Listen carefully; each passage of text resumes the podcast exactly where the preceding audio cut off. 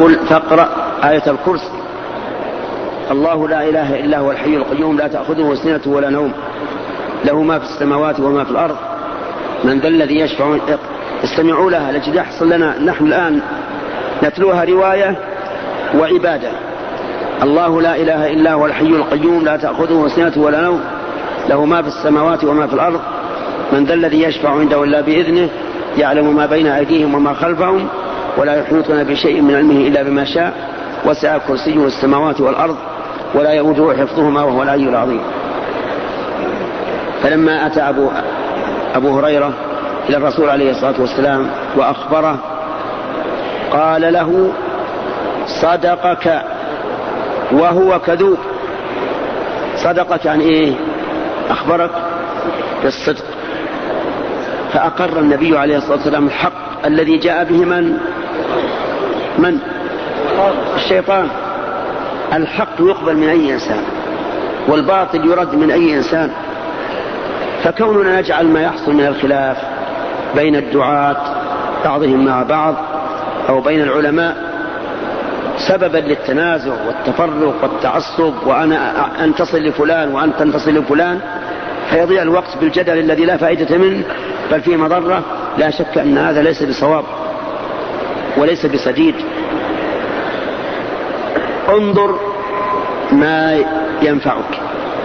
امش في الطريق الذي ينفعك ودع ما لا يعنيك. ولا ولا تقس الحق بالرجال. العكس هو الصحيح. ما هو؟ أن نقيس الرجال بالحق. يعني لا تعتبر الحق بالرجال ولكن اعتبر الرجال بالحق. والتعصب للأشخاص. خطأ. وأريد بهذا التعصب للأشخاص في مثل زمننا هذا لأنهم قد يخطئون. فهل توافق على الخطأ والصواب؟ لا. اجعل نيتك وما في قلبك أنك تتبع الحق أينما كان. ولا تتعصب. ولا تنافر أخاك. ولا تجعل للشيطان عليك طريقا يلقي بينك وبين أخيك العداوة والبغضاء من أجل التعصب. أما ما يحصل أو ما ينسب لبعض الدعاة أو لبعض العلماء فواجبنا أن نسلك فيه ثلاثة أمور. واجبنا أن نسلك ثلاثة أمور. الأول التثبت. الأول التثبت. فكم من قول نقل إلينا فإذا سألنا عنه وجدنا أنه لا حقيقة له. وجدنا أنه لا حقيقة له. تنسب إلينا أقوال ونحن لم نقلها ونتبرأ منها. وكذلك ينسب لغيرنا أقوال إذا بحثنا عنها وجدنا أنه لا حقيقة لها فلا بد قبل كل شيء من التثبت لا سيما في زمن الهواء. ثانيا المناقشة. المناقشة مع من؟ مع من نسب إليه القول. نسأله. نقول هل قلت بهذا؟ إذا قال نعم نناقش.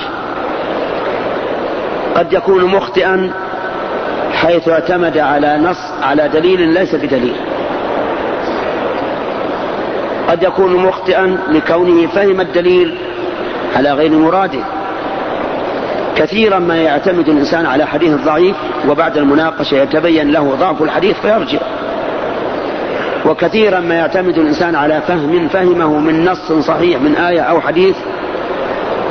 ثم بعد المناقشة يتبين له خطأ الفهم ويرجع. أليس كذلك؟ إذا بعد أن يثبت لك ما قيل ما نقل عن شخص اتصل به سمعنا عنك كذا وكذا هل هذا صحيح؟ إذا قال نعم نناقش. والواجب بعد المناقشة اتباع الحق إن كان معه أو كان معك. لا تتعصب لرأيك لا تحرف النصوص من أجل رأيك. اتبع الحق والحمد لله الرجوع الحق خير من التمادي. في الباطل كما قال أمير المؤمنين عمر بن الخطاب رضي الله عنه الرجوع إلى الحق خير من التمادي في الباطل.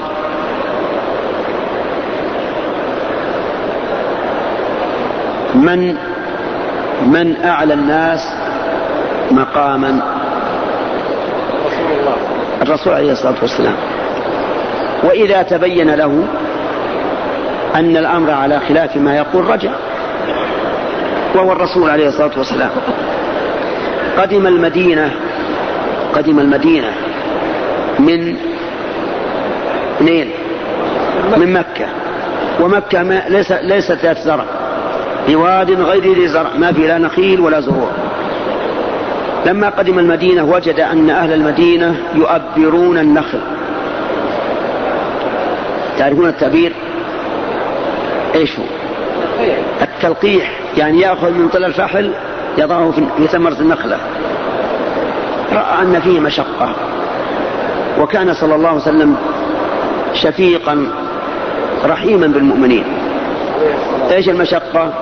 يصعد للفحل يأتي بالثمر باللقاح منه ثم يصعد للنخلة يلقحها. ويمكن ما يلقحها إلا يعني ما يكفيها تلقيح مرة واحدة يمكن مرتين أو ثلاث. فقال ما شأنكم؟ يعني لا لا حاجة لهذا الشيء. وكان الصحابة رضي الله عنهم أطوع الناس لرسول الله. هم أطوع الناس وأتقى الناس. قال نعم نتركه. نترك اللقاح. تركوه سنة. ففسد الثمر. إيش كان؟ شيصا. كان شيصا. فجاءوا إلى الرسول عليه الصلاة والسلام. فتراجع. تراجع. يعني وقال أنتم أعلم بأمور دنياكم. يعني فأبدروا. فالإنسان إذا تبين له الخطأ يجب الرجوع لا سيما في الأمور الشرعية. يجب على كل إنسان تبين له خطأ قوله أن يرجع عنه. وإذا كان قد أعلن قوله السابق الخطأ يجب أن يعلن إيش؟ الرجوع عنه ولا بأس. بل هذا هو الواجب. فناقش من, من نسب إليه القول أولا ثم الواجب على كل منكما أن يتبع الحق.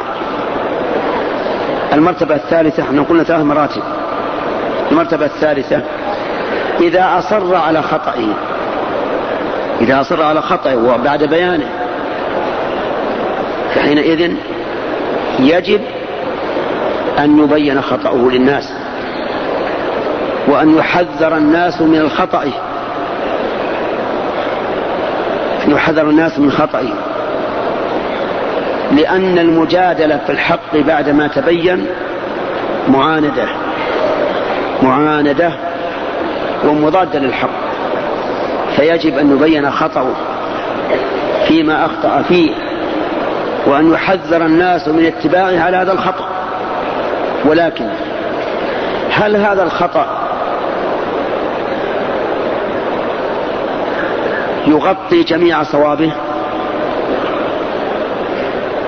بمعنى أن نجحد كل صواب وكل فائدة صدرت من هذا الشخص. طبعا. طبعا لا ولا نعم؟ جيب يا جماعة؟ لا, لا. إذا أخطأ مرة فلا يعني ذلك أن جميع ما أصاب فيه فهو باطل ومردود. لأن قلنا الحق يقبل ممن جاء به. إذا أخطأ هذا الرجل في مسألة وأصاب في, في مسائل نقبل صوابه. وما أحسن عبارة قالها زين الدين ابن رجب أحد تلاميذ ابن القيم وابن القيم معروف أنه كان تلميذا لمن؟ لشيخ الإسلام ابن تيمية رحمه الله قال في كتابه القواعد الفقهية وهو كتاب جيد أنصح به كل من يريد الفقه على وجه مقعد قال يأبى الله العصمة لكتاب غير كتابه. والمنصف من اغتفر قليل خطأ المرء في كثير صوابه. المنصف من اغتفر قليل خطأ المرء في كثير صوابه. وهذا صحيح. أما الإنسان الذي يؤاخذ الرجل إذا أخطأ مرة واحدة ويمحو كل حسناته فهذا يشبه من؟ يشبه من؟ يشبه أمهاتنا. يعني النساء. يكفرن العشير. إذا إذا أحسنت إليهن كل الدهر. وجد منك خطيئة واحدة قالت ما رأيت خيرا قط. هذا هذا سوء تصرف. أسمه جعفر هذا سوء تصرف لا شك. الإنسان المنصف الذي يتقي الله هو الذي يعدل. يا أيها الذين آمنوا كونوا قوامين بالقسط شهداء لله كونوا قوامين لله شهداء بالقسط ولا يجرمنكم شنآن قوم على أن لا تعدلوا. إيش؟ اعدلوا. لو, لو, لو كنتم تبغضونهم اعدلوا. هو أقرب للتقوى. واتقوا الله. إذا الواجب علينا نحو هذا الخلاف الذي يحدث بين طلبة العلم أو بين الدعاة أو ما أشبه ذلك. الواجب علينا أن نتبع الحق أينما كان. وأن لا نتخذ من هذا الخلاف سببا للتعصب والعداوة والتحزب. لأن الله يقول في القرآن وأن هذه أمتكم أمة واحدة. فكون هذا الخلاف ينتشر بيننا لا شك أنه من, من مضرتنا. مضرة الدعوة مضرة اليقظة. يوجب للشباب أن يقف حائرا. من نتبع؟ يوجب أن يتنازع الناس فيما بينهم. وكل هذا لا, لا, لا ليس له ما يوجبه بل العقل والشرع يقتضي تجنبه والبعد عنه. أسأل الله سبحانه وتعالى أن يجمع كلمتنا جميعا على الحق. وأن يجعلنا ممن رأى الحق حقا واتبعه ورأى الباطل باطلا واجتنبه.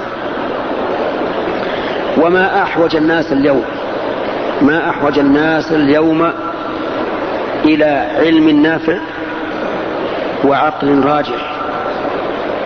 علم وعقل علم ترتفع به الشبهات وعقل يحجز الإنسان عن الشهوات. لأن بلاء الإنسان من أحد الأمرين إما الجهل وإما الشهوة. إما هذا أو هذا.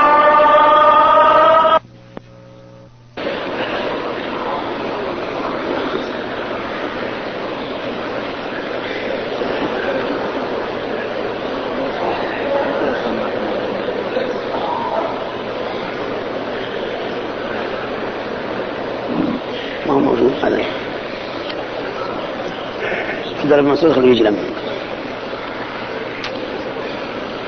آه نعود إلى إلى الإقامة حتى الإقامة درس. أي نعم نعود إلى كلمة بسيطة يعني تتميم نحن قلنا إن الإنسان يؤتى من أحد أمرين إما الجهل وإما الشهوة أن لا يريد الحق. ولهذا قال النبي عليه الصلاة والسلام اللهم أرنا الحق حقا وهذا به يزول الجهل وارزقنا اتباعه هذا به تزول الشهوة ويكون مراد الإنسان مراد الله ورسوله. نسأل الله أن يجعلنا وإياكم ممن رأى الحق حقا واتبعه ورأى الباطل باطلا واجتنبه وأن لا يجعل ذلك ملتبسا علينا فنضل. إنه جواد كريم والحمد لله رب العالمين وصلى الله وسلم على نبينا محمد وآله وصحبه أجمعين. وأكرر شكري لله عز وجل على هذا اللقاء. ثم شكر أخينا الشيخ أبي بكر. جزاه الله خيرا. وأمامي الآن أسئلة نرجو أن نأخذ شيئا منها قبل إقامة الصلاة. نعم. أنت؟ نعم. بسم الله والحمد لله والصلاة والسلام على رسول الله. يقول السائل صدرت فتوى من سماحتكم أن من تاب من ترك الصلاة لا أبعد عن عن لأنه أن من تاب من ترك الصلاة لا بد له من عقد جديد فما حكم من لم يفعل ذلك وما حكم بقاء زوجته معه؟ نعم. السؤال يقول إنه سبق منا فتوى بأن الإنسان اذا إذا تزوج وهو تارك للصلاة فإن نكاحه لا يكون صحيحا وعليه إذا تاب إلى الله ورجع إلى الإسلام أن يجدد العقد. نقول نعم هكذا صدر منا. لأن تارك الصلاة كافر كفرا مخرجا عن الملة بدلالة القرآن والسنة وإجماع الصحابة رضي الله عنهم. وكذلك المعنى الصحيح وليس هذا ما ضابط الأدلة. وما احتج به من لا يرى الكفر فإنه لا لا يخلو من واحد من أمور خمسة. إما أنه ليس به دلالة أصلا وإما أنه مقيد بحال يمتنع معها ترك الصلاة وإما أنه في حال يعذر فيها تارك الصلاة لأنه لا يعلم إلا, إلا ذكر الله فقط. وإما أنه عام أريد به الخصوص. يكون عاما ولكن أريد به الخصوص وإما أنه ليس فيه دلالة على نفي كفر تارك الصلاة. فعلى كل حال نقول إن القول الراجح الذي دلت عليه دل عليه الكتاب والسنة وإجماع الصحابة عند وإجماع الصحابة هو أنه كافر كفرا مخرجا عن الملة وعليه فإذا عقد وهو في هذه الحال ثم من الله عليه بالتوبة عليه أن يعيد العقد يجدد العقد. فيأتي بشاهدين ويحضر ولي الزوجة ويقول زوجتك بنتي أو أختي فيقول قبلت. وانتهى الموضوع؟ نعم. يسأل يقول يا شيخ ما حكم من لم يفعل ذلك؟ يجب عليه أن يفعل. من لم يفعل ذلك فإنه عاصي وآثم ولا تحل له الزوجة بهذا. يجب عليه أن يفعل. نعم. جزاكم الله خيرا. يقول السائل هل يشترط للحاج أن يجمع بين الليل والنهار في وقوف عرفة؟ وإن كان يشترط ذلك فما هو التوجيه التوجيه بالنسبة لحديث عروة الذي أتى الرسول صلى الله عليه وسلم وقد وقف بعرفة من ليل أو نهار؟ نعم. آه الواجب على من وقف نهارا أن يبقى إلى الليل. هذا هو الواجب. وأما من وقف ليلا فقط فإنه يجزئه وإن لم يقف في النهار. أما حديث عروة بن مضرس رضي الله عنه فإنه حديث مطلق كما تعلمون لأنه قال ما تركت جبلا إلا وقفت عليه أو قال عنده. فقال النبي صلى الله عليه وسلم من شهد صلاتنا هذه يعني صلاة الفجر في مزدلفة ووقف معنا حتى ندفع وقد وقف قبل ذلك بعرفة ليلا أو نهارا فقد تم حجه وقضى تفته فمن المعلوم أن هذا الحديث ليس على إطلاقه لأن هناك باقي شيء أشياء لا بد فيها من لا بد منها في تمام الحج كالطواف والسعي مثلا. لكن مراده أن من وقف في الليل أو في النهار فقد تم حجه باعتبار الوقوف فقط. وأما الدليل على وجوب البقاء لمن وقف نهارا إلى الليل فهو فعل الرسول عليه الصلاة والسلام. فإن النبي صلى الله عليه وسلم وقف حتى غابت الشمس وذهبت الصفرة قليلا حتى غاب القرص ثم دفع. ومن المعلوم أن الدفع قبل هذا الوقت أي في النهار أسهل على الناس. فعدول الرسول عليه الصلاة والسلام عن الأسهل إلى ما هو أشق يدل على أنه ليس فيه رخصة. ثم إن الدفع في آخر النهار عند غروب الشمس يشبه الكفار في حجهم. فإن الكفار في حجهم يدفعون من عرفة إذا صارت الشمس على رؤوس الجبال كعمائم الرجال. يعني عند الغروب دفعوا. فخالفهم النبي صلى الله عليه وآله وسلم وبقي حتى غابت الشمس. فالذي نرى أنه القول الصحيح أنه لا بد لمن وقف نهارا أن يبقى حتى تغرب الشمس. وعرفت وجه تخريج حديث عروة. جزاكم الله خيرا. يقول السائل بعض الناس يصلي ركعتا الفجر والإمام يصلي فهل هذا العمل جائز؟ لا يجوز للإنسان أن يصلي ركعتي الفجر والإمام يصلي. لأن النبي صلى الله عليه وآله وسلم قال إذا أقيمت الصلاة فلا صلاة إلا المكتوبة. لكن من دخل في الركعتين قبل أن تقام الصلاة وصار في الركعة الثانية يعني قام إلى الركعة الثانية فليتمها خفيفة وهي في الأصل خفيفة. ومن أقيمت الصلاة وهو في الركعة الأولى فليقطعها حتى يدخل مع الإمام ثم إذا انتهت صلاة الإمام قضاها بعد ذلك. جزاكم الله خيرا. سائل يقول أو يسأل عن التصوير التصوير الفوتوغرافي هل هو جائز؟ التصوير الفوتوغرافي فيه خلاف بين بين العلماء المتأخرين. منهم من يلحقه بالتصوير ومنهم من لا يلحقه ولكننا يجب أن نسأل لماذا نصور؟ هل هو لغرض صحيح أو لمجرد الاحتفاظ بالذكرى كما يقولون. فهذا فإن كان لغرض صحيح كالتابعية والجواز وما أشبه ذلك فهذا لا بأس به. وأما إذا كان لمجرد الذكرى أو لما هو شر من ذلك كتعليق الصورة على الجدران أو لما هو مثلها أو أشد كأن يصور صورة يتمتع بالنظر إليها وهي ممن يحرم التمتع بالنظر إليه فعلى كل حال هذه تتبع الوسائل والوسائل لها أحكام المقاصد. نعم. جزاكم الله خيرا. السائل يقول أخي الأكبر متزوج ويعيش مع زوجته معنا في البيت وأضطر إلى الدخول أو الدخول في البيت وزوجته لا تتحجب مني فهل لي ذلك؟ لا يحل للرجل أن يدخل بيت أخيه وليس فيه إلا زوجة أخيه لأن النبي صلى الله عليه وآله وسلم حذر من ذلك. قال إياكم والدخول على النساء. قالوا يا رسول الله أرأيت الحمو؟ قال الحمو الموت.